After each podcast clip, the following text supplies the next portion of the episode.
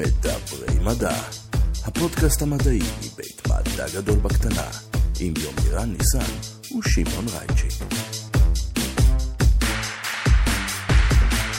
שלום וברוכים הבאים למדברי מדע, הפודקאסט הרשמי מבית מדע גדול בקטנה. יומירן ולהקת התרנגולים שמאחוריו, מה העניינים?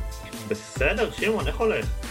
מדהים. שמע, אה, סוף הסגר אולי מתקרב, אה, חיסונים, אה, התרגשות באוויר, אבל אה, מה למדנו מכל הדבר הזה? תראה, הנגיף הזה, הקורונה, אה, גרם להרבה מאוד אה, תובנות חדשות להגיע לגבי איך אנחנו חיים את החיים שלנו, מה אנחנו עושים. אה, אפילו, אתה יודע, פעם היית צריך אה, לנסוע לפגישות או אפילו להקליט איתי ב-one on one, ועכשיו אנחנו הכל אה, בזום. זאת אומרת, יש פה איזשהו שינוי מאוד גדול, והשינוי הזה מתגלגל גם הלאה. אז בוא תציג את האורח הוותיק שישכיל אותנו היום. אז uh, בפעם הכבר מי יודע כמה הבאנו שוב את פרופסור יואב יאיר מהבינתחומי בהרצליה, לדבר איתנו הפעם על הנושא שהוא הדיקן של הבית ספר שלו, על בעצם קיימות, אבל לא סתם קיימות, אלא קיימות היום בעידן של שינויי אקלים, והשינויים הבאמת uh, טקטוניים שכדור הארץ שלנו uh, חווה ויחווה בעשורים הקרובים, ואיך אנחנו, כל אחד מאיתנו, יכול בעצם להשפיע על הדבר הזה. פרק שיגרום לכם להרהורים, אז תכינו את כוס התה המתאימה, וזה הזמן להתחיל לדבר. שלום פרופסור יאג יאיר, ברוך הבא שוב לפודקאסט שלנו. אה, מה שלומך? שלומי טוב מאוד, בהינתן, כן? מגבלות כל המגבלות, אה, בסך הכל בסדר. אה, אנחנו הולכים ומתגלגלים עם סיפור הקורונה הזה כבר תקופה, ועכשיו אנחנו בתקופה המרגשת של החיסונים. אז uh, עד הפעם הבאה שתחזור אלינו לפודקאסט, או שכולנו נהיה בריאים, או שכולנו נהיה מוטציות, או שנחיה על מאדים, לך תדע, הטכנולוגיה מהממת. Uh, יומירן, מה העניינים? בסדר, שיון, מה קורה? בסדר, מה שלום הטווסים? בגן ה... הכבשים, התרנגולים, העטלפים, אתה יודע, העטלפים לא כל כך אהבו אותי הבוקר, אבל בסדר. אז אנחנו כאן כדי לאהוב אותך בחזרה. אה, פרופסור, בוא ספר לנו על מה אנחנו נדבר היום. היום אנחנו נדבר על uh, הקשר בין קיימות, קורונה ושינוי אקלים. כי למעשה כל הדברים כרוכים זה בזה, במעין אפקט דומינו שכזה, ואני אנסה אולי לתאר למאזינים וגם לכם, uh, את הקשר הזה וכיצד המין האנושי הפר איזשהו דבר מאוד בסיסי בשיווי המשקל בינינו לבין המערכות הטבעיות בכדור הארץ, והקורונה היא אחת התוצאות שלו. זאת אומרת, אני לא אגיד שהופתענו, הרי כבר היו לנו כמה מגפות שבישרו אה, את הפוטנציאל למגפה שכזאת, כמו סארס ואבולה ואחרות, ושפעת העופות וכהנה וכהנה, אבל אני חושב שהפעם זה פשוט אה, התפשט בצורה כל כך מהירה וגלובלית, שזה השיג את הגרוע ביותר בתחזיות שלנו.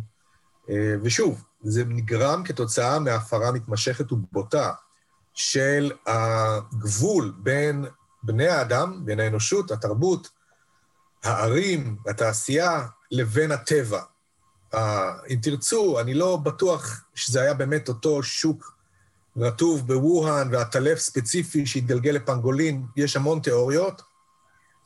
כנראה שזה לא באמת, אה, כמו שהאמריקאים טענו בהתחלה, יציר מלאכותי של מעבדת הנגיפים בווהאן, אלא באמת כתוצאה מאיזושהי אה, קפיצה זואונופית של אה, נגיף שנמצא בטבע, ואשר אנחנו הבאנו אותו אלינו.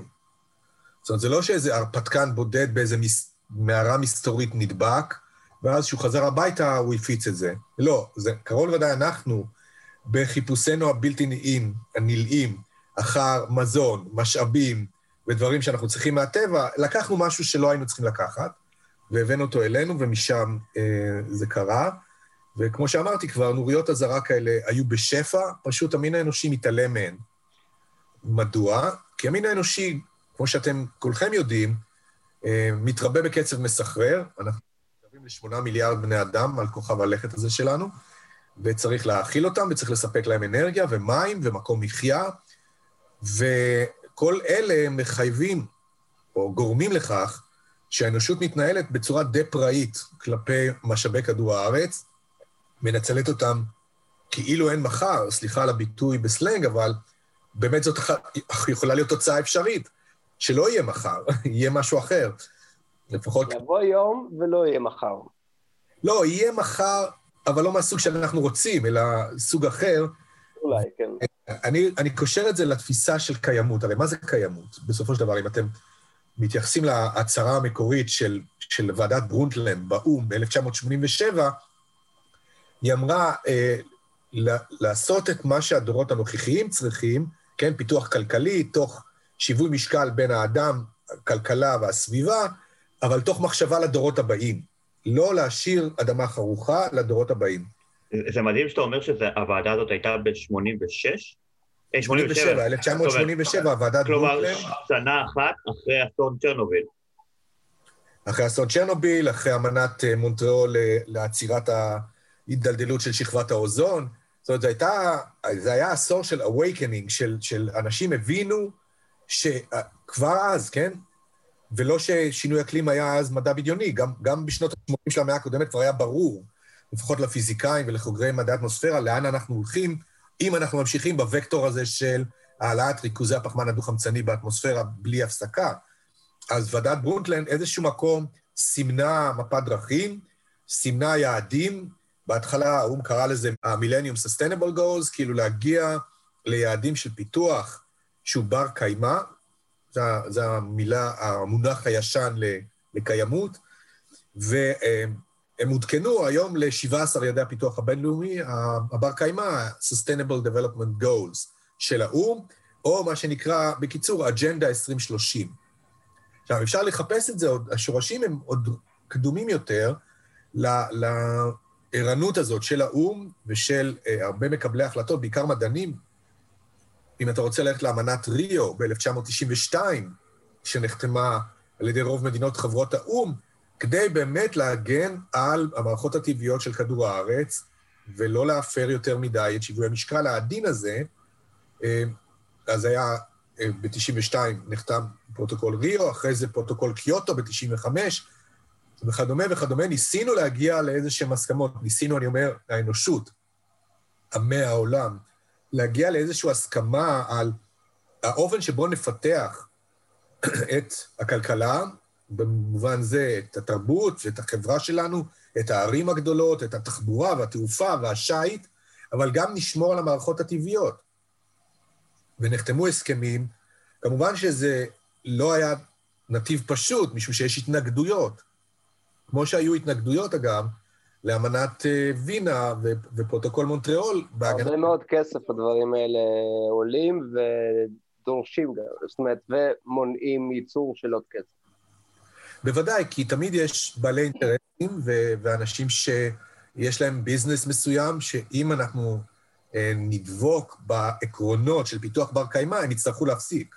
אני חושב שהתעשייה שהכי בולטת ב... בתקופה הנוכחית זה אה, הדלקים המאובנים, נפט, פחם וגז. כן. שאם רואים לנגד עינינו לאן אנחנו הולכים בעידן שהוא אחרי הקורונה, די ברור לכולם שאלה תעשיות שתצטרכנה או להשתנות או להיעלם בתוך 20 שנה.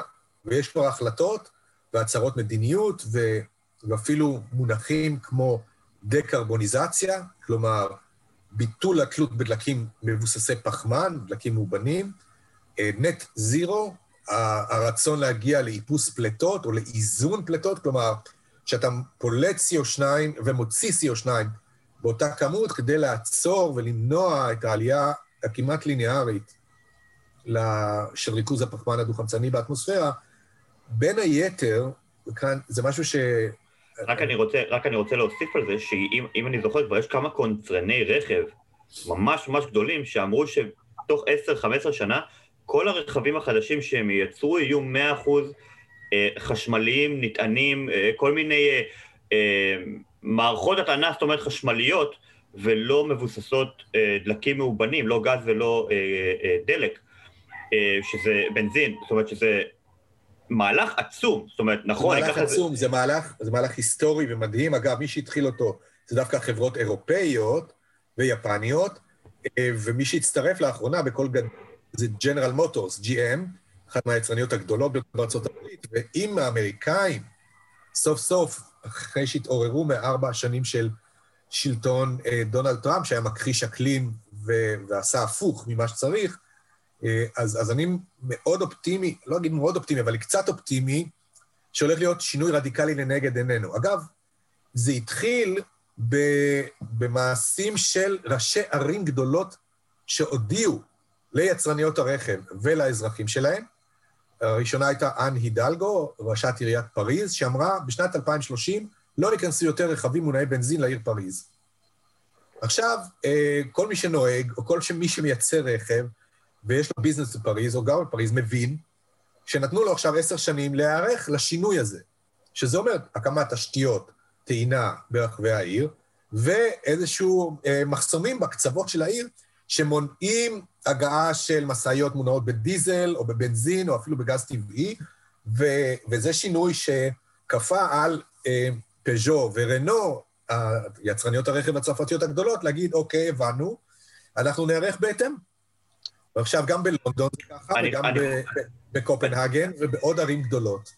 אני חושב שגם מה שחשוב פה זה שלא בהכרח צריך אולי לשים איזה שהם צ'ק פוינטים מיוחדים, אפשר פשוט, אתה יודע, בסגנון של אה, כביש 6 יש מצלמות, ורכב שאין לו רישוי חשמלי, מקבל נגיד אוטומטית קנס של, לא יודע מה, 2,000, 3,000, 10,000 יורו, ולא צריך, זאת אומרת, להקים פה איזשהו משהו, אפשר לעשות את זה בצורה טכנולוגית מאוד. לא, אתה צודק, זה ברור, כמובן... אה, אבל יש כאן אולי נקודה ש... יש כאן נקודה שאולי כדאי לדבר עליה שנייה, זה כי יצרניות הרכב לא התחילו מראשי הערים, הם התחילו מיזמים, ואנשים שגם האמינו בטכנולוגיה הזאת ברמה הכלכלית, וגם דחף אותם הדרייב שבעצם זה טוב לאיכות הסביבה, אבל יש גם עוד הרבה יתרונות לרכבים חשמליים על פני רכבי דיזל, בין היתר כי טכנולוגיית הדלקים המובנים היא טכנולוגיה מאוד מיושנת, המנועים כבר מזמן לא עוברים שום אה, אה, שדרוג משמעותי בשנים האחרונות. אז היה פה, אה, אתה יודע, בשלות מסוימת, גם טכנולוגית, גם אה, של תודעה אה, של איכות סביבה, שאפשרה אולי את הקפיצה הזאת ואת הפער שכרגע הרכבים החשמליים הם מאוד אה, יקרים רובם, ובעצם יש כאן איזשהו פער אה, מחירים שאולי ללא הצורך לשמר את כדור הארץ, אה, הצרכן אולי לא היה כל כך... אה... אז אני אגיד על זה משהו, אתה צודק, אבל יש פה שני תהליכים שמתרחשים במקביל. אחד, זה הרגולציה. זאת אומרת, גם הרגולטור קובע אה, ליצרנים מה הולך להיות, ולהם, ולא משאיר להם הרבה ברירות, וכופה עליהם את הטרנזישן הזה די מהר, לא בכל העולם אגב. אה, בהודו התהליך היה הפוך, ללכת דווקא למכוניות מונעות בנזין זולות מאוד, אה, של אה, קונצרן טאטה, אם אתם יודעים, מכונית לכל פועל, מכונית לכל חקלאי. אז שם הכיוון הוא דווקא רגרסיבי, אבל אני מאמין שבסוף תהיה התיישבות קו, אולי לא גלובלית באותו זמן, אז, אז זה מכיוון הרגולטור. והמסלול השני הוא הכיוון של הצרכנים, משום שהדורות של הקונסיומרים, אם זה מילניאלים, או דור X, או דור Y, או דור Z, שהם בעלי תודעה ומודעות הרבה יותר גבוהה מאשר ההורים והסבים שלהם אה, לנושא קיימות וסביבה, פשוט לא יסכימו לקנות את המוצרים האלה. ואני לא מדבר רק על מכוניות, אלא בכלל על מוצרים מחברות שתהליך ה... או שרשרת האספקה שלהם היא עוינת לפלנטה. זאת אומרת, זה די ברור עכשיו, ורואים את זה בהרבה מאוד תאגידים גדולים, תאגידי מזון, תאגידי בישול, אה, כאילו אה, אה, אופנה, אה, כולם רוצים להיות יותר קיימותיים, ולכן יש פה איזה עשור, אני אומר, מסתכל ואומר גם לסטודנטים שלי במרכז הבינתחומי, אנחנו בעשור של חסד, של טרנזישן, מה-old model, כמו שאתה אמרת, הביזנס הישן, לתפיסה החדשה שהיא הרבה יותר מקיימת, שדורשת אחריות ודורשת מענה לבעיות הסביבתיות הנוראיות שחוללנו, שכמו שאמרתי בפתח דבריי, הקורונה הייתה רק ביטוי אחד שלהם. אסונות הטבע שעומדים לפתחנו, ותכף אולי נרחיב על זה את הדיבור, הם, הם הביטוי המובהק והבולט ביותר שאנחנו נרגיש כבר עכשיו, ובטח ביתר שאת בעשורים הבאים. אז, אז שני תהליכים קורים כאן, אם אני אתמצת את זה. גם המדינות, הרגולטור, אם תרצו, האו"ם, עם ההסכמים הגלובליים, אבל גם ברמה המדינתית ואפילו העירונית. אז הרגולטור קובע כיוון, ושתיים, הצרכנים רוצים. ו- ואפשר לראות את זה בהרבה מאוד מופעים, למשל, אה, אגודות סטודנטים באוניברסיטאות העילית בארצות הברית הודיעו להנהלות שלהם שהם לא מוכנים שהקרנות ההשקעה של הרווארד או של יייל או, או של MIT יושקעו הכספים של שכר הלימוד שלהם, כן, בחברות שמזהמות או לא נוהגות באחריות אה, לכדור הארץ. יפה.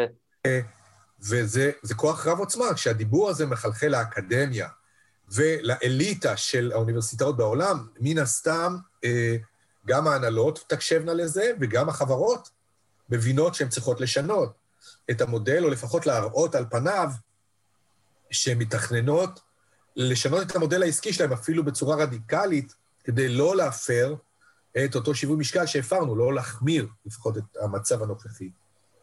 תגיד, פרופסור, אה, מעניין אותי אולי לקבל איזשהו קנה מידה לגבי, במספרים כלשהם, ואני בטוח שיש לך הרבה, לגבי מה גודל השינוי או שינוי המגמה שאנחנו צריכים לעבור, אה, כמה אנחנו, אני יודע שזה נושא מאוד מורכב וכמו שאמרת דברים קשורים, אבל כמה פליטות אנחנו צריכים לעצור אה, לפי המודלים שיש לנו כרגע, אה, מה קצב כריתת היערות היום שמסכן אותנו, זאת אומרת, מה, מה גודל השינוי? התחלת לדבר כאן על תהליכים מאוד פרקטיים. כן, אז אני אגיד, אה, תראה, כדי לחזות את העתיד, אמר פעם אה, נילס בויר, לפחות זאת האמרה המיוחסת לנילס בויר, החתן פרס נובל לפיזיקה מדנמרק, שמייחסים לו את המשפט, Predictions are hard, especially about the future. תחזיות הן נורא קשות, בייחוד לגבי העתיד. אז אנחנו לא יודעים לחזות את העתיד, אבל אנחנו פיתחנו כלים שמתבססים על תרחישים, מה שנקרא climate scenarios או emission scenarios. וכשאני אומר על emission scenario, אני מתכוון למין משלב כזה של כל התהליכים שאנחנו יכולים אולי לשים עליהם מספרים או משוואות פיזיקליות, ולחשב באמצעות המודלים המתמטיים שחוזים את שינויי האקלים ואת התנהגות האטמוספירה והאוקיינוסים והמערכות השונות בכדור הארץ, על סמך אותן הנחות. אני אתן דוגמה. היום הדיבור הוא על מה שנקרא Representative Concentration Pathways. בסלנג שלנו זה נקרא RCP, שמבחינה פיזיקלית אתה מתרגם ריכוזים עתידיים של גזי חממה, כמו מתאן או פחמן דו-חמצני, ובמנגנוני משוב גם אדי מים ותרכובות כמו תחמוצות חנקן, גופרית ו-CFC, כלורופלואורקרבונים. אז אתה אומר, אם המדינות תעבורנה כולן למדיניות מקיימת, לדקרבוניזציה, לביטול שימוש בדלקים מאובנים, אנחנו צופים שההתחממות תהיה מקבילה לאילוץ קרינתי, כלומר לתוספת אנרגיה של 2.6 ואט למטר מרובע. אם נמצא איזשהו תרחיש ביניים, התוספת התחממות תהיה 4.5 ואט למטר מרובע. תרחישים של uh, business as usual, עסקים כרגיל, אף אחד לא עושה כלום, או עושים מעט, או עושים הרבה אבל מאוחר, מביאים אותנו להתחממות של 6 ואט למטר מרובע, או תרחיש הבלהות של 8.5 ואט למטר מרובע. כלומר, אילוצים קרינתיים, שבמשמעות הפשוטה שלהם זה כמה אני מחמם יותר את הפלנטה שלי, ואני יכול לחשב את זה על כלל הפלנטה, אז אלה ארבע, ארבעת תרחישי הייחוס של ה-IPCC, ה-Intergovernmental Panel on Climate Change, שלאורו אה, קבוצות רבות בעולם, שמפעילות מודלים לחיזוי אקלימי, מנסות להגיד כיצד הולך להיראות העתיד, ולתמצת את זה למקבלי ההחלטות באופן שיהיה להם ברור. אם אתם תעשו ככה, זה מה שהולך להיות. אם תעשו אחרת, יכול להיות שזה מה שיקרה. עכשיו, כמו שאתם יודעים, בוודאי, וגם הצופים והמאזינים מכירים, כשאנחנו מדברים על חיזוי במערכות מורכבות, עם הרבה מאוד תלויות הדדיות פנימיות, ומנגנוני משוב, מה שאנחנו קוראים פידבק מקניזם, קשה מאוד לתת תחזיות מדויקות בגלל התלויות הפנימיות. ולכן הפתרונות או התשובות מתבדרות ככל שאנחנו מרחיקים אל העתיד. אז אני מסתכל על המודלים האלה לטווחים של 20 ו-30 שנה, נגיד ל-2030 עד 2050. זה ו... מה שאתה קורא לו רחוק או קרוב? זה, זה קרוב, זה לטווח קצר בינוני.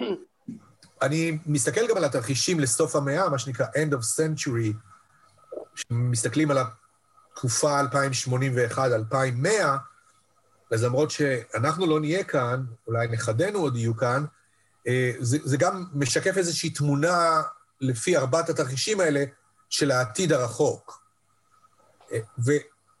אז אתה שאלת, כמותית, מה הולך לקרות? אני יכול לשים מספרים ולהגיד שבתרחישים שבהם אנחנו עצרנו, כן, ה-2.6 או ה-4.5, אה, אנחנו יכולים לעצור את ההתחממות העולמית בין מעלה וחצי לשתי מעלות, שזה אמנם עולם יותר חם מהעולם הנוכחי, אבל הייתי אומר, הוא נסבל, הוא לא קטסטרופלי. אנחנו לא רוצים להגיע לשתי מעלות.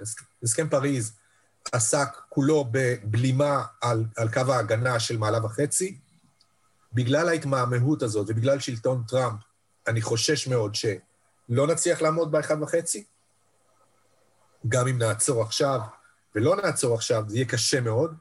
אז אפשר להסתכל על ערכים ריאליים של אה, שתי מעלות עד סוף המאה, ומזה לגזור הרבה מאוד אה, תוצאות. בין היתר, התוצאה הברורה שהכי מובנת היא אה, הפשרה בכתבים ובגרינלנד, אנטארקטיקה וכיפת הכוח הצפונית, ועליית המפלס הנגזרת כתוצאה מעליית הטמפרטורה הגלובלית בשתי מעלות, שהתחזית, הייתי אומר, השמרנית מאוד אומרת שעד סוף המאה פני הים בממוצע בכל העולם יעלו בין 70 סנטימטר למטר.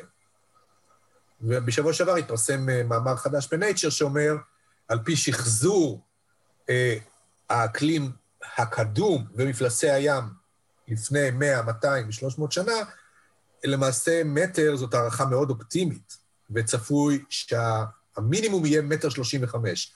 עכשיו, אני רוצה להסביר, כי לפעמים אומרים, אה, אתה מאיים עלינו במטר. מה זה מטר? אבל מטר זה המפלס הממוצע. תוסיפו על המטר הזה גלים וסערות, והוריקנים וטייפונים, ואתם מקבלים לפעמים שני מטר או שלושה מטר עלייה ביחס למפלס הנוכחי, ותסתכלו על הגלובוס ותראו כמה ערים גדולות חיות לאורך חופי אוקיינוסים, כמה איים נמצאים בגובה פני הים, כמה מדינות שוכנות אה, לחופי אוקיינוסים, כך שמפלס האוקיינוס הוא כיום כמעט נושק לשטח האדמה שלהם. אני מדבר על ארצות השפלה באירופה, הולנד, בלגיה, אה, אני מדבר על בנגלדש, וכמובן על איים נרחבים באוקיינוס השקט, ומדינות אי כמו סרי לנקה. כל אלה צפויות להיפגע קשות מעליית המפלס עד סוף המאה, ואנחנו כבר היום יודעים שהם יצטרכו ללכת, כי הם פשוט יהיו מתחת למים, אם הם לא uh, יעשו משהו ומהר. זה, זה אתה יודע, מטר זה לא הרבה מהיומיום שלנו, אבל... Uh, מטר זה המון, שמעון, זה המון. צריך ללכת לים. אתה לא מדמיין, קשה, אני לא, חושב לא, שקשה. לא, לא, זה בדיוק הנקודה שלי. אתה צריך ללכת לים, להסתכל על כל הפלטה האינסופית הזאת, ולהבין שכל הדבר הזה עולה במטר, זה כמות, כמותית, זאת אומרת, אנחנו מדברים על המון, המון, המון, המון. של מים נוזליים, ודאי, מים שהיו כקרח. אה, כן, שלא לדבר, אני מניח ש, ש, שהדבר הזה גם מאחורה יניע תהליכים אה, אה, כאלה ואחרים של, של שינויי הים והחיים בהם, אה, של זרמים חמים וקרים שישנו. אז זהו, יש פה, אתה צודק לגמרי, כי יש פה תגובת שרשרת. שאני אסתכל עליה בשלוש זוויות. אחת, כמובן, השינויים בזרימה של זרמי האוקיינוסים, מה שאנחנו קוראים המסוע הטרמואליני, הזרימה הזאת שמביאה עודפי חום מהמשווה אל הכתבים, וחוזרת כזרמי מעמקים קרים. אנחנו מכירים את זרם הגולף, את זרם לברדור, ועוד הרבה מאוד זרמים שבתורם הם מסיעים את המערכות האטמוספריות, בממשק הזה בין האוויר לאוקיינוסים, וכמובן מחזורים קצרי טווח של שינוי אקלים רדיקלי כמו אל ניניו ולניניה. כל זה הולך להשתנות, בוודאי, זה אספקט אחד. אספקט שני זה מה זה יעשה לביוספירה הימית. כשהאוקיינוסים יהיו חמים יותר, הזרימה תשתנה, איך, איך יגיבו המערכות הטבעיות, הפלנקטון וכל שרשרת המזון האוקיינית שבנויה על, על הפלנקטון הזה.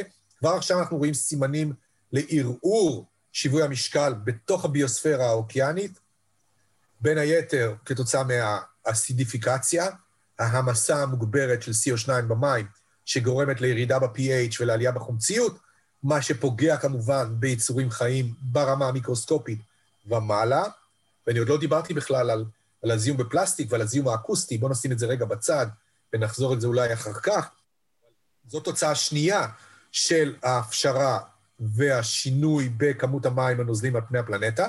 והתוצאה השלישית והבלתי נמנעת היא, תסתכלו על הגלובוס ותחשבו על המיליונים שגרים במומבאי ובשנגחאי ובבוסטון, בניו יורק, בלונדון, ואני יכול לתת רשימה אינסופית, לוס אנג'לס, סן פרנסיסקו, ערי החוף הגדולות בעולם, אה, סנטיאגו דה צ'ילה וריו, כל הכרכים העצומים האלה של עשרות מיליוני בני אדם, במפלס אוקיינוסים שהוא גבוה במטר עד מטר וחצי, האנשים האלה צריכים ללכת. הערים האלה צריכות או לבנות, להגביה את, ה, את הזכרים, מה שנקרא, את השוברי גלים, אם בכלל זה אפשרי. אני, אני אולי אתן דוגמה, העיר גלווסטון בטקסס הוכתה על ידי הוריקן גדול מאוד בראשית המאה הקודמת, ראשית המאה ה-20, ופרנסי העיר אמרו, אוקיי, מה נעשה נגד ההוריקן הבא? אז הם בנו את מה שנקרא The Storm Wall, קיר הסופה, לאורך כל קו החוף של גלווסטון, מי שהיה שם אה, מכיר את זה, אני הייתי שם. הקיר הזה הוא היום יוסלס, כי ההוריקנים הבאים שיגיעו, הם עוברים אותו אה, כמו, כמו כן. סכין חמאה רכה. אה, אז... אז אתה יודע, במובן מסוים... מחסומים כאלה. אבל האנושות, אני חושב, לאט לאט מפנימה את העובדה שנדל"ן על החוף אולי הוא לא באמת ההשקעה הכי טובה, כי החוף ייעלם, או יכורסם, או יהיה חשוף ל... פגיעתן של uh, סופות גדולות, שכבר עכשיו, אגב, אנחנו רואים את הסיגנלים האלה בצורה די ברורה.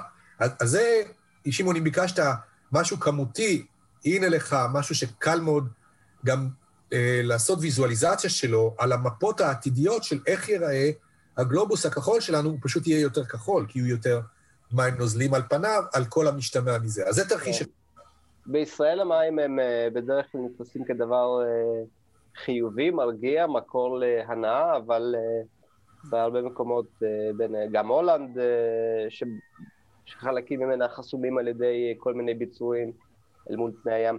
אבל אתה יודע, במובן מסוים אנחנו במין לופ עם עצמנו בשיחה הזאת, כי אתה מנסה לתאר פה תרחיש אימים uh, אקולוגי, ואנחנו התחלנו את השיחה הזאת, שתרחיש האימים האקולוגי הוא כבר כאן, זאת אומרת, מבלי ש... לא מבלי שצפינו, אבל הדברים קרו באופן הרבה יותר...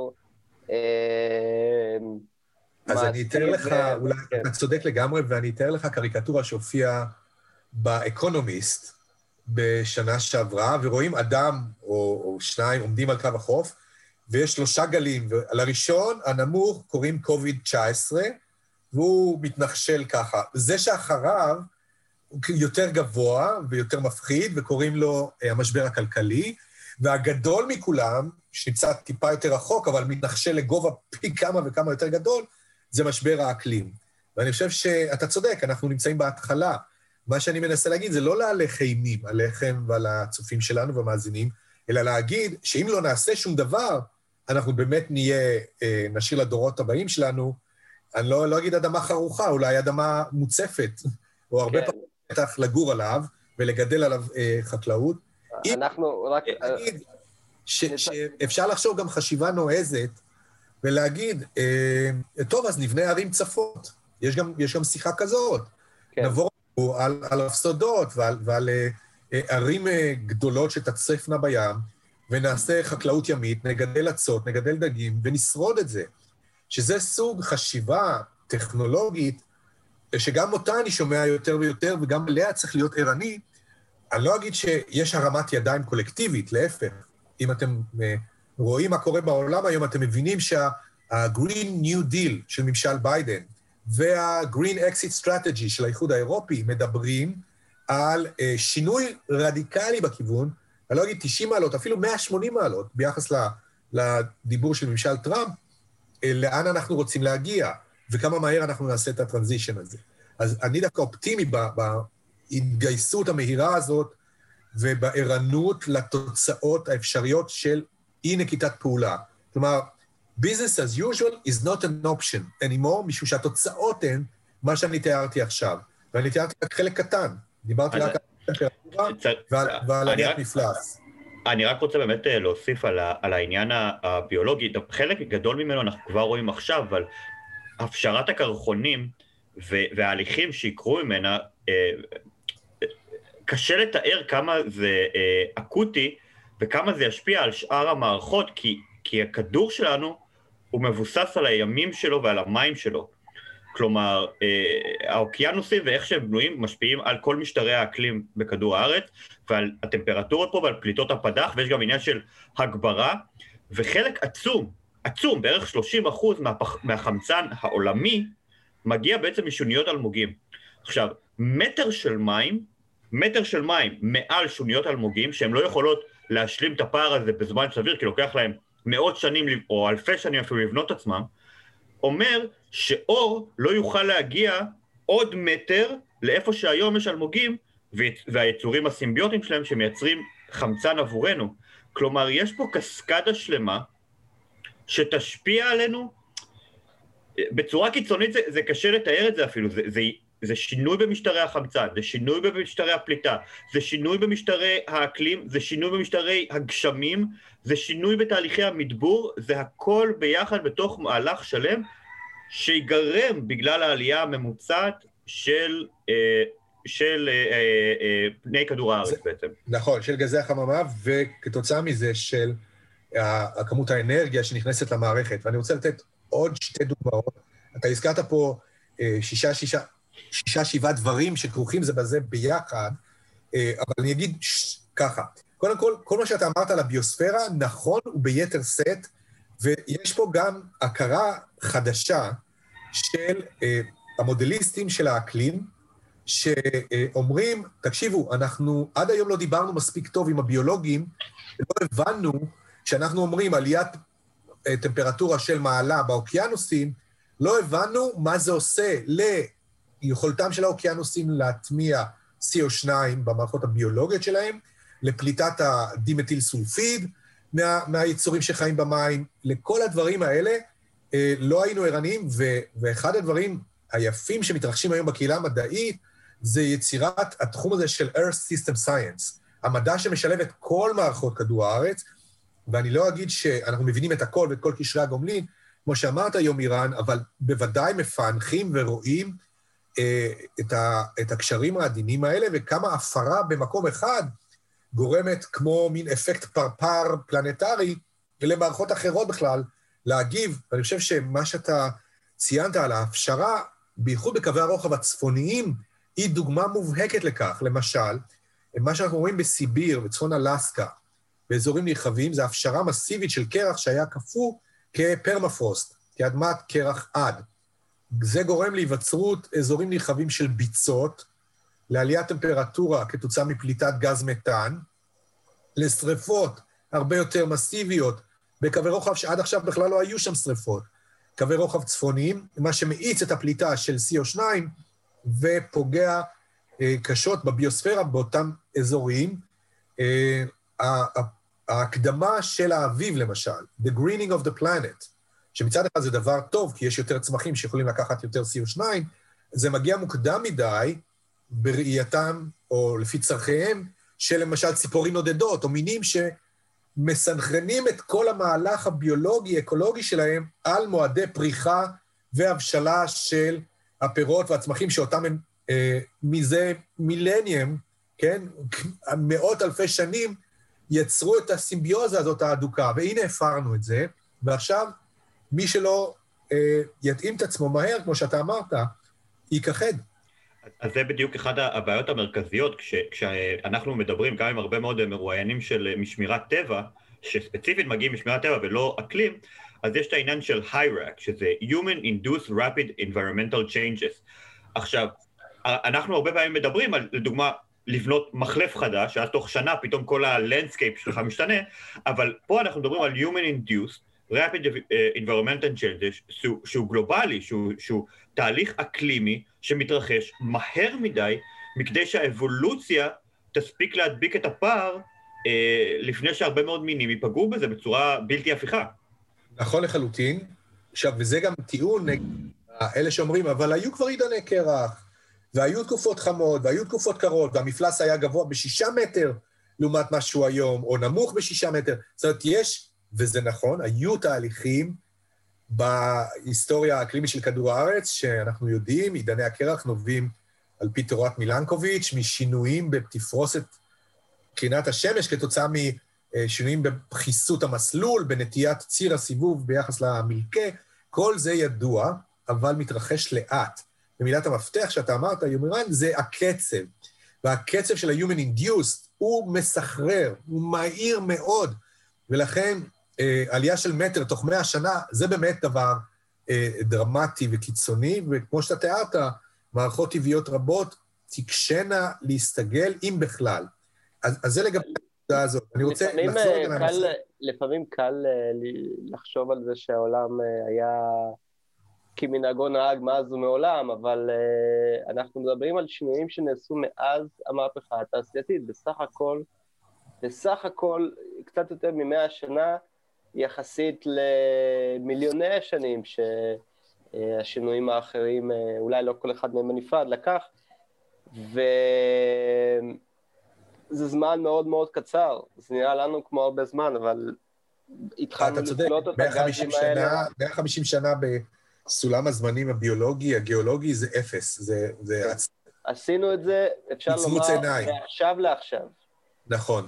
ואני רוצה להעיר שתי תופעות נוספות שמתרחשות אה, בממשק הזה, אטמוספירה, אוקיינוסים, אה, ויומירן, אתה הזכרת את זה בדבריך. אחד, זה אה, התופעה של אה, מדבור, גלי חום ובצורות, שגוברת והולכת, והתוצאות שלה נראו לנו בעוצמה ממש ברוטלית בשריפות האדירות שהיו באוסטרליה בסוף דצמבר 2019 לתוך ינואר 2020, ובקליפורניה לאורך כל האביב והקיץ של 2020, אז, אז הושמדו שטחים עצומים של יערות ושל אדמות מרעה, ומתו מיליארדי בעלי חיים.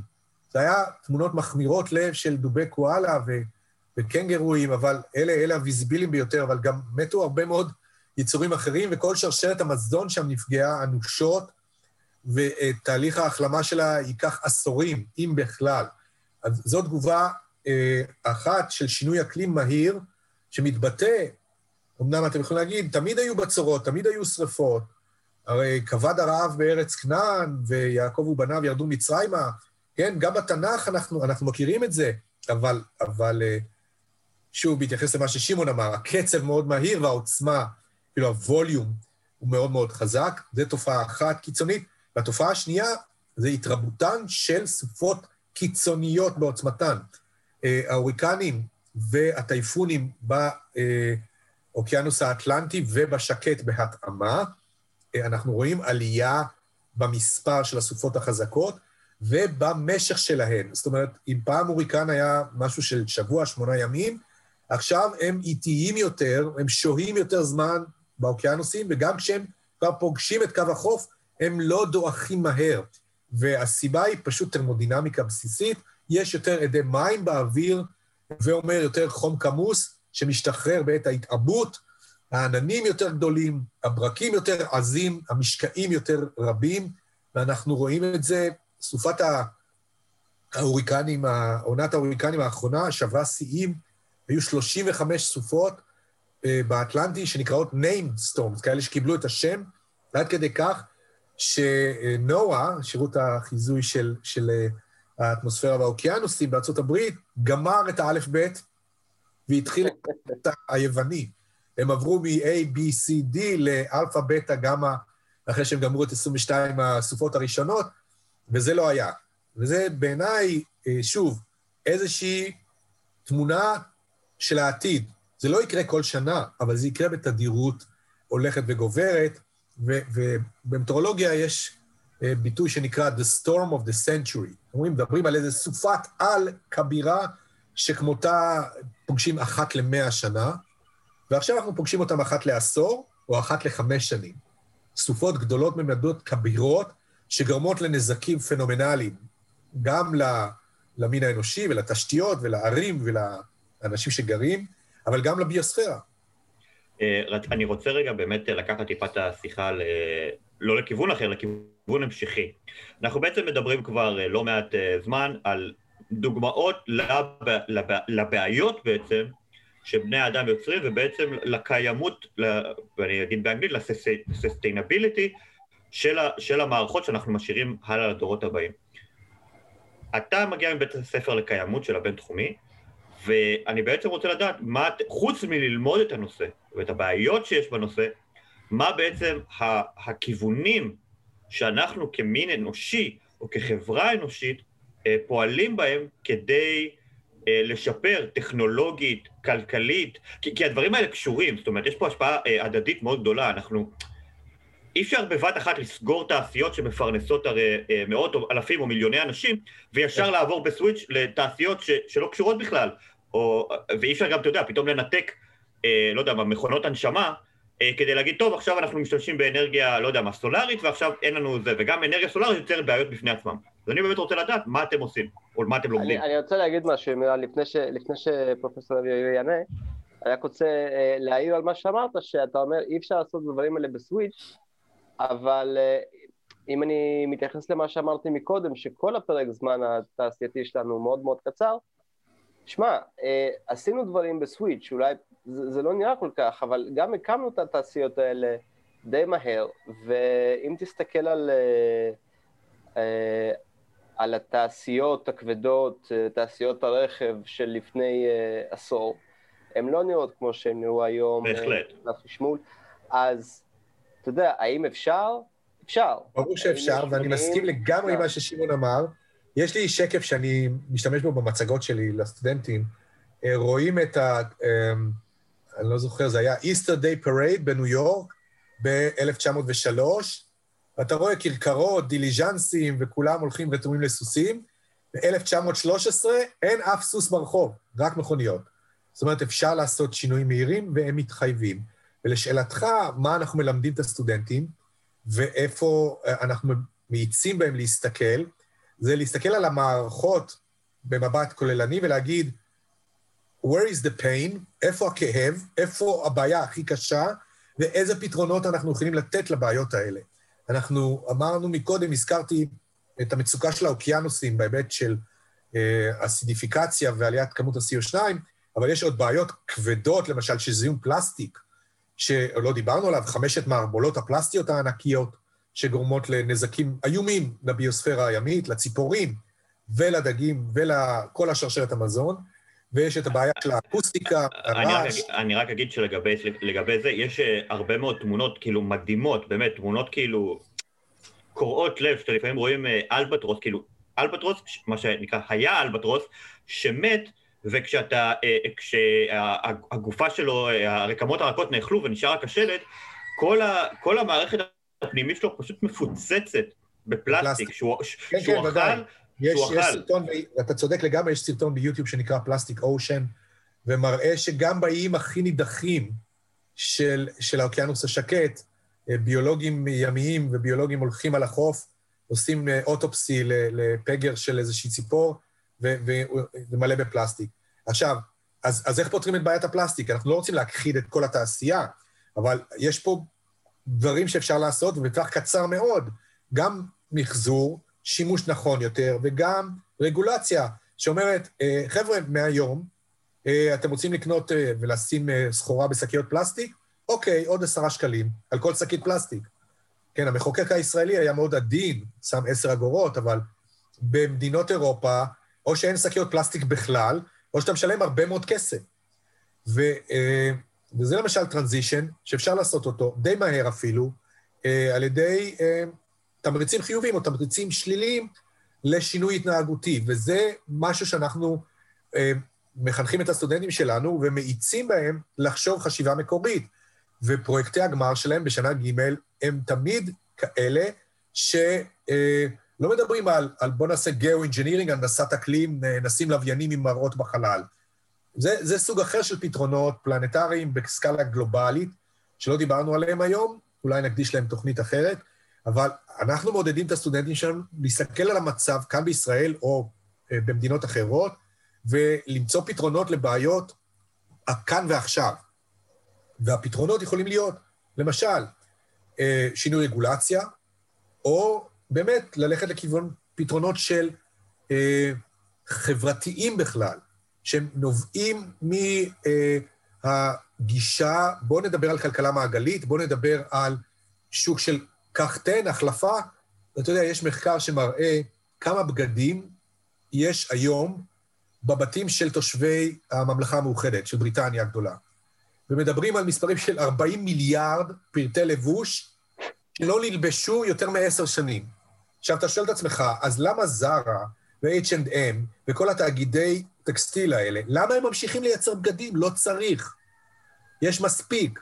אז איך אתה, איך אתה בונה מודל שבו אולי משתלם יהיה לעשות שוק קחטן, או להחזיר מוצרים ליצרנים, כדי שהם ישתמשו בהם שוב, או, או יעשו uh, uh, renewable textiles, כן? יש שם המון דברים שפשוט מזמינים חשיבה חדשה, חשיבה מקורית, וזה מה שהסטודנטים שלי uh, לומדים, וככה אנחנו מסתכלים על הבעיות. כל משבר הוא הזדמנות. אוקיי? אחד המשברים הגדולים זה משבר המזון. בישראל 40 אחוז מהמזון נזרק, לא משתמשים בו. אה, כולל התוצרת החקלאית וכולל התוצרת המיוצרת, פג תוקף.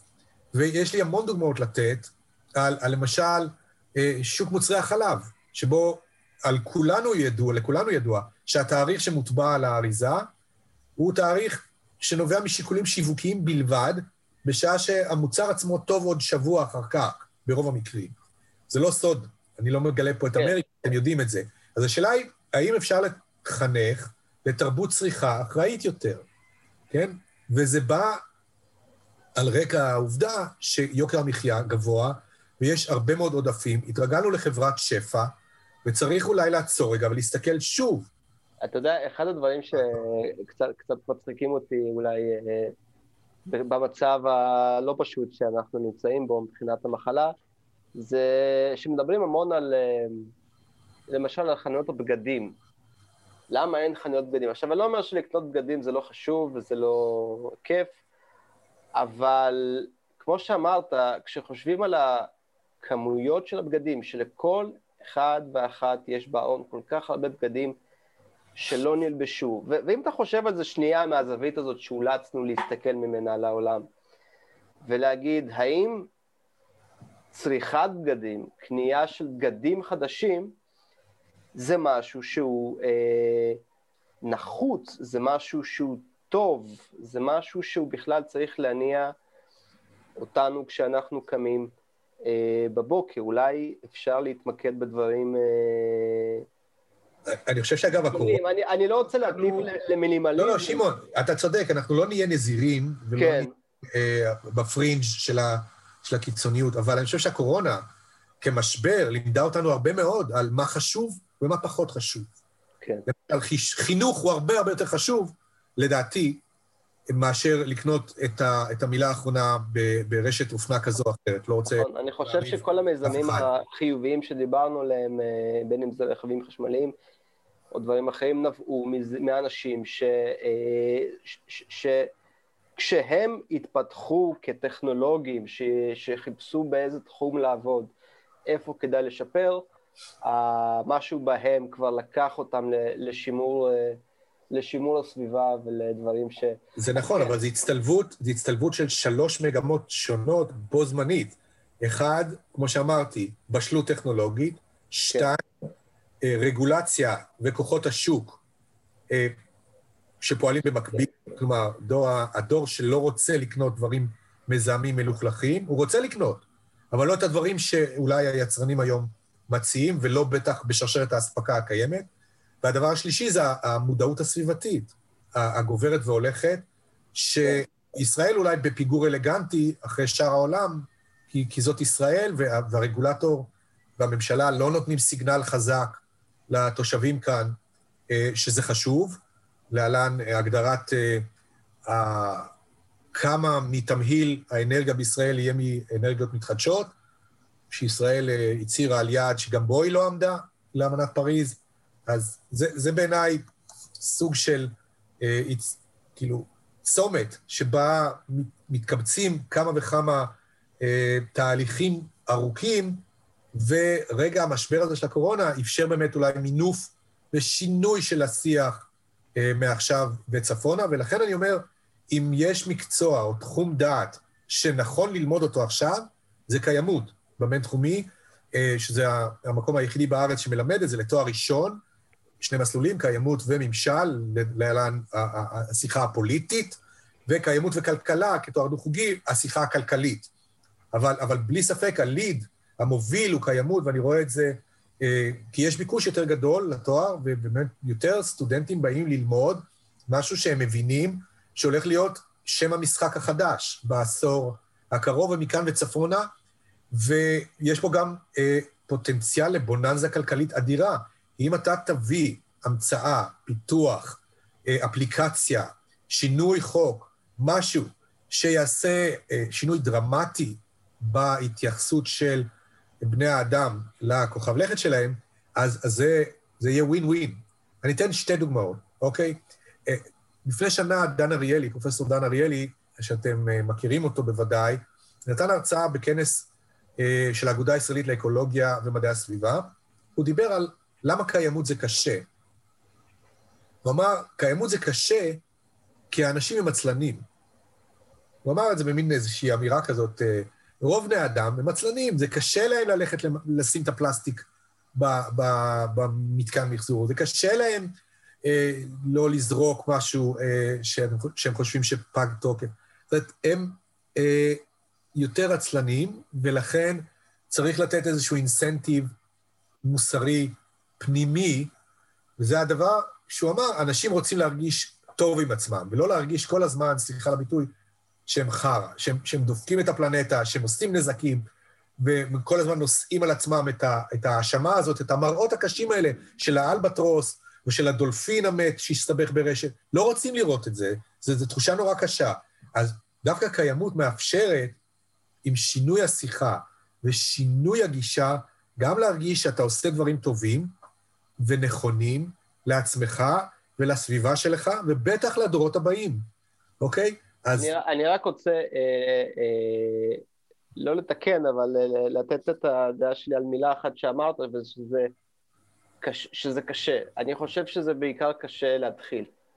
נכון. זה, זה, זה לא מאוד קשה. ברגע שעושים את זה, לי היום נראה מוזר לשים כלי פלסטיק לא בשקית של המחזור, וזה לא דרש ממני... אה, רציתי, לגדל, רציתי להגיד לגדל שיער ולהפוך להיפי, אבל גידלתי שיער. אבל זה לא דרש ממני באמת שום מאמץ. אבל ישראל היא, היא מדינה שמתקשה מאוד בפסולת. אני מציע לך ולי וליומרן ולכל הצופים בנו לקרוא את הגיליון האחרון של כתב העת אקולוגיה וסביבה של האגודה הישראלית לאקולוגיה ולמדעי הסביבה, שכולו מוקדש למדיניות הפסולת בישראל. מה קורה עם הפסולת, אנחנו גרועים מאוד אנחנו, בזה. אנחנו כל כך גרועים בזה שאנחנו שולחים את הפסולת שלנו לחו"ל כדי למחזר אותה. אנחנו עד כדי כך גרועים בזה. אחרי צבא, שתעשה טיול. כן, שתעשה טיול, אתה מבין? אבל אה, יש פה כאילו, אה, בהמשך גם כמובן למה שפרופסור יאיר אמר, אני חושב שגם שבהרבה מאוד מקרים יש פה אה, א', פחד משינוי, כי, כי גם עם פרופסור יאיר דיברנו בעבר על העובדה שהאנרגיה הכי נקייה, הכי נקייה שיש לנו זה אנרגיה גרעינית. אמ, היא דורשת מעט מאוד שטח, היא דורשת מעט מאוד, אה, אה, נקרא לזה, היא מייצרת קרוב לאפס זיהום, אבל יש בה הרבה מאוד פחדים. יש בה בעיה אה, אחרת. יש לה בעיה אחרת, אחת או שתיים, פלוס אסון אחד או שניים בהעברה. אבל בסופו של דבר, עם כל הכבוד לאנרגיות מתחדשות, נורא קשה להגיע באנרגיות מתחדשות לאותה יעילות, שלא לדבר גם על אותו אפקט סביבתי, זאת אומרת, גם טורבינות רוח וגם תאים סולאריים יוצרים פגיעה סביבתית כלשהי. אה, צריך לדבר על הדברים האלה ולהעלות נכון, אותם. אז אתה צודק לגמרי, ולכן בין יתר הדברים שאנחנו מלמדים את התלמידים שלנו, זה לעשות ניתוח עלות תועלת. מה התועלת שתקבל מההשקעה בטכנולוגיה X או משינוי רגולציה Y, ולדעת לעשות מספרים. אני לא נאיבי, ואני יודע, ואני חושב שזה אחד הדברים שאנחנו מלמדים מהיום הראשון. בסוף, money talks. אנשים וכלכלות ומדינות ופוליטיקאים יעשו את מה שמשתלם כלכלית, כי אה, אפשר להגיד... ופוליטית או, גם. פוליטית, לא, זה כרוך, הא בהא תליא, זה די ברור. אה, אנחנו יכולים להגיד, בואנה, אסור אה, לגדל בקר, כי גם יש פה התאכזרות לבעלי חיים, ב', גם פליטת גזי חממה, משאבים, כל המבורגר עולה לנו, העלות האמיתית הסביבתית שלו היא הרבה הרבה יותר גדולה מאשר מה שאתה קונה בסוף אה, בסופר או בדוכן המבורגר כשזה פועל. אז אה, אתה לא יכול להכחיד ענף כלכלי שלם, אבל מה שאתה רואה היום, ובמקרה פורסם שלשום על איזשהו אה, אה, מוצר חדש של מדענים מאוניברסיטת בר אילן, נדמה לי, הטכניון. סטקנט ריקות מתרביות רקמה. זה, מהטכניון, כן. כן, וזה משהו שלדעתי הולך להיות בוננזה כלכלית עתידית, אם יעשו את זה נכון. היה לנו פרק שלם על זה, אה, הפרק עם אה, ניר גולדשטיין, אה, שבאמת כן. דיבר על זה שהעתיד של תעשיית החלבון, בכללי תעשיית החלבון כחלבון, זה במפעלים ובביו-ריאקטורים, ולא כן. בשדות מרעה. וניר גם נכון. לא, לא הגיע וייצג חברה, הוא ייצג את התחום, כלומר זה דבר, זה תחום חי, פועם. כן, אני רק אומר, בעיניי זה אחד הסיגנלים הכי ברורים לטרנזישן, למעבר שבו אנחנו נמצאים עכשיו, תקופה מרתקת שמאפשרת ליזמים ולאנשים שמבינים את החשיבות וגם את הפוטנציאל הכלכלי, לבוא עם פתרונות חדשים ולשבור שגרה, כי בסוף אה, זה, זה כמעט תוצאה בלתי נמנעת של המשבר שאליו נקלענו, או הכנסנו את עצמנו. ולכן אה, אני אופטימי, ואני חושב ש...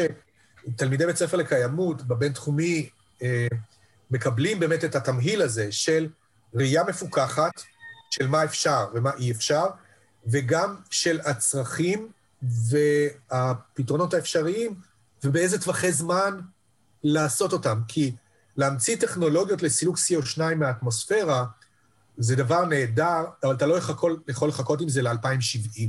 אתה צריך את זה פועל בסקאלה גדולה עכשיו. או, לחליפין, לעצור בירוי יערות בברזיל, זה דבר שצריך לעשות מיד, ובמקביל לעשות מה שנקרא אפוrestation, לשתול טריליון עצים נוספים. אז, אז איך עושים את זה? איפה עושים את זה? עם מה משקים את הטריליון עצים האלה? מה השיח עם ההשפעה הסביבתית, ביולוגית? איך זה ישפיע על הביוספירה? אם אתה פתאום שותל יערות באזורים שהיו סוואנה, מה זה עושה למערכות האקולוגיות, ואיזה שיווי משקל חדש יושג, ובאיזה טווחי זמן. יש פה הרבה מאוד סוגיות, ולכן גם הנושא הרגולטורי, אתי ומשפטי, זה משהו שאנחנו מלמדים את הסטודנטים. אין פתרונות חד וחלק. שמע, פרופסור, הזכרת שתילת טריליון עצים, וזה מתחבר יפה לט"ו בשבט שהיה פה לפני כמה שבועות. Uh, אתה יודע, הפרקים איתך uh, תמיד עוברים אצלי בפאזות. בהתחלה רע מרע, ובא לי להתקרבל מתחת לפוך, למרות החלטנו הפעם אה, להקליט בבוקר, כמו שמעידים התרנגולים אצל אה, ותמיד אה, הרבה אופטימיות בסוף. הפרק מאוד מעניין כרגיל, הזמן נגמר, אבל לא דואג, אתה כבר אורח קבוע, אני בוודאות יודע שאנחנו נגיע לדבר על הנושאים המעניינים מאוד האלה ממש בקרוב. כן, להסתכל על העולם דרך התובנות שלנו אה, כאנשים שחווים עכשיו את משבר הקורונה, אני חושב שזאת נקודה טובה לאנשים שעוסקים ב, אה, בתחום הקיימות, כי הרבה יותר קל לשכנע, אני חושב. אני השתכנעתי. הייתי כנראה קהל היעד גם ככה, אבל אה, אין ספק ש... זאת אומרת, ברצינות עכשיו, אין ספק שה... אה, על למה זה קרה, ואיך אפשר למנוע את זה, ואיך זה ישפיע על העולם, ומה זה יעשה לתרבות שלנו. אה, גם זה בפני עצמו גם משבר וגם הזדמנות, נקודה טובה אולי לנסות אה, לדחוף את הסלע המתגלגל הזה בכיוון הנכון. אה, לפחות אה, אני חושב שזה מה שאנחנו כמנגישי מדע צריכים לעשות. אה, וכאמור, הדברים הם נראים לפעמים גדולים, אבל אה, צריך לעשות, ו... ואפשר לעשות, וזה כיף וכל לעשות. וכל אחד יכול לעשות. זה, אחד. זאת הנקודה בדיוק שמתחברת לדבריך. לפעמים כשמדברים על, על המשבר האקלימי והמשבר הסביבתי, אנשים אומרים, זה גדול עליי. אין מה לעשות, אני לא יכול להתמודד עם זה, המדבור, הבצורות, השרפות, וזה גם קורה רחוק מכאן, זה באוסטרליה, בטיוואן, לא משנה. התשובה היא, כמו שאתה אמרת, לא, זה כאן ועכשיו, וכל אחד מכם יכול וצריך לתת כתף ולעשות משהו קטן. אבל כשעושים משהו קטן הרבה מאוד פעמים, הופכים אותו להרגל, הופכים אותו למשהו שבשגרת יומנו, שאפילו לא נותנים עליו את הדעת. ואתה מכפיל את זה בתשעה מיליון תושבי ישראל, שינית משהו, אוקיי? ו- ואני, עוד זווית אחרונה אולי, משפט מסיים, אני מאמין גדול מאוד ברוח הישראלית, בחדשנות הישראלית, ב Start-up Nation, ששחקנו אותו עד לזרא, אבל אני אומר, בואו בוא ניקח את היכולות האלה שלנו לכיוונים הדרושים. ואני תמיד אומר בשבוע הפתיחה של הלימודים לתלמידי שנה א' שלי, בית ספר לקיימות מעודד באמת חשיבה יצירתית, יזמית, מה שנקרא Green Entrepreneurship, יזמות ירוקה, אבל תבינו, אנחנו לא בשביל לפתח אפליקציה נוספת למפות את מסעדות הסושי בתל אביב. זה לא העבודה שלנו. אנחנו בעניין של הדגים בכלל, שיהיו אוקיינוסים, שתהיה סביבה, שתהיה ביולוגיה. והפער הזה בין אה, לאן הולך עד היום הכסף, על, על דברים שבעיניי הם חסרי חשיבות, אה, עוד איזה פלטפורמה, עוד איזה אפליקציה, עוד, זה לא מעניין. מה שחשוב זה הדברים שיצילו את הפלנטה הזאת. אני חושב שבהקשר הזה באמת תעשיית הפודטק הישראלית, אה, שמראה יזמות אה, מדהימה ופטנטים פסיכיים והרבה מאוד אה, מוסדות מחקר מובילים בארץ והרבה מאוד בוגרים של אותם מוסדות, מראים פתרונות נהדרים באמת לכל העניין של ייצור חלבונים במפעלים, כולל אפילו טעמים ומרכיבים ש, שדומים לבשר, אני חושב שזה, זה, פה באמת החדשנות הישראלית אה, באה לידי ביטוי, כי גם זה מאפשר למדינה קטנה, כמו ישראל, שאין לה שטחי מרעה, פתאום לייצר ולא לייבא את אותם אה, חלבונים שמקורם כביכול מהחי. ואני חושב כן, שפה בדיוק זה בא לידי ביטוי. אתה צודק. בפודטק, ווטרטק, אנחנו אלופים במים, קלינטק, אה, אה, טכנולוגיות של מה שנקרא קלין, הטכנולוגיות הירוקות, ישראל טובה בזה, היא עושה את זה כבר עשרות שנים. פשוט צריך שהמדען הראשי או רשות החדשנות תסמן את זה כעדיפות, כיעד, ואנחנו יכולים באמת להיות אור לגויים. לא, לא אומר את זה כפרזה, באמת חושב שמציון תצא תורה, ואנחנו יכולים לעזור לעשות מה שנקרא, וזה ערך ביהדות, בתרבות שלנו, תיקון עולם, לתקן את העולם. כן, את, הפ... את הפרק של אור לגויים נשמע אולי לחנוכה. אה, אבל הנה, קיבלתי את הסיום האופטימי, אה, כחול לבן, אה, כמו שצריך. אנחנו כמובן נחזור לפרופסור יאב יאיר בפרקים הבאים. הפרקים איתך תמיד מרתקים, הם נותנים בדרך כלל קנה מידה פלנטרי, גם אם זה לא תמיד כדור הארץ, וזה ממש ממש כיף. עד אז אנחנו מאוד מקווים שאתם שומעים ושומעות על עצמכם, על הכדור שאנחנו כולנו חיים עליו, שאתם מאמצים אולי מדי פעם עוד הרגל חיובי בהקשר הזה, לזרוק את הדברים למקום הנכון, ו- ואולי אם אתם מחפשים רעיון לסטארט-אפ הבא, uh, תחשבו בכיוונים האלה, בכיוונים הירוקים, זה רווח נקי של כולם. הנה, אפילו עשיתי משחק מילים, וזאת נקודה מצוינת להגיד תודה רבה לפרופסור יד יאיר, תודה רבה לימירה ניסן, תודה רבה לכם שהייתם איתנו במהלך הפרק, ואנחנו נהיה כאן גם בעוד שבוע. עד אז, שלום ותודה.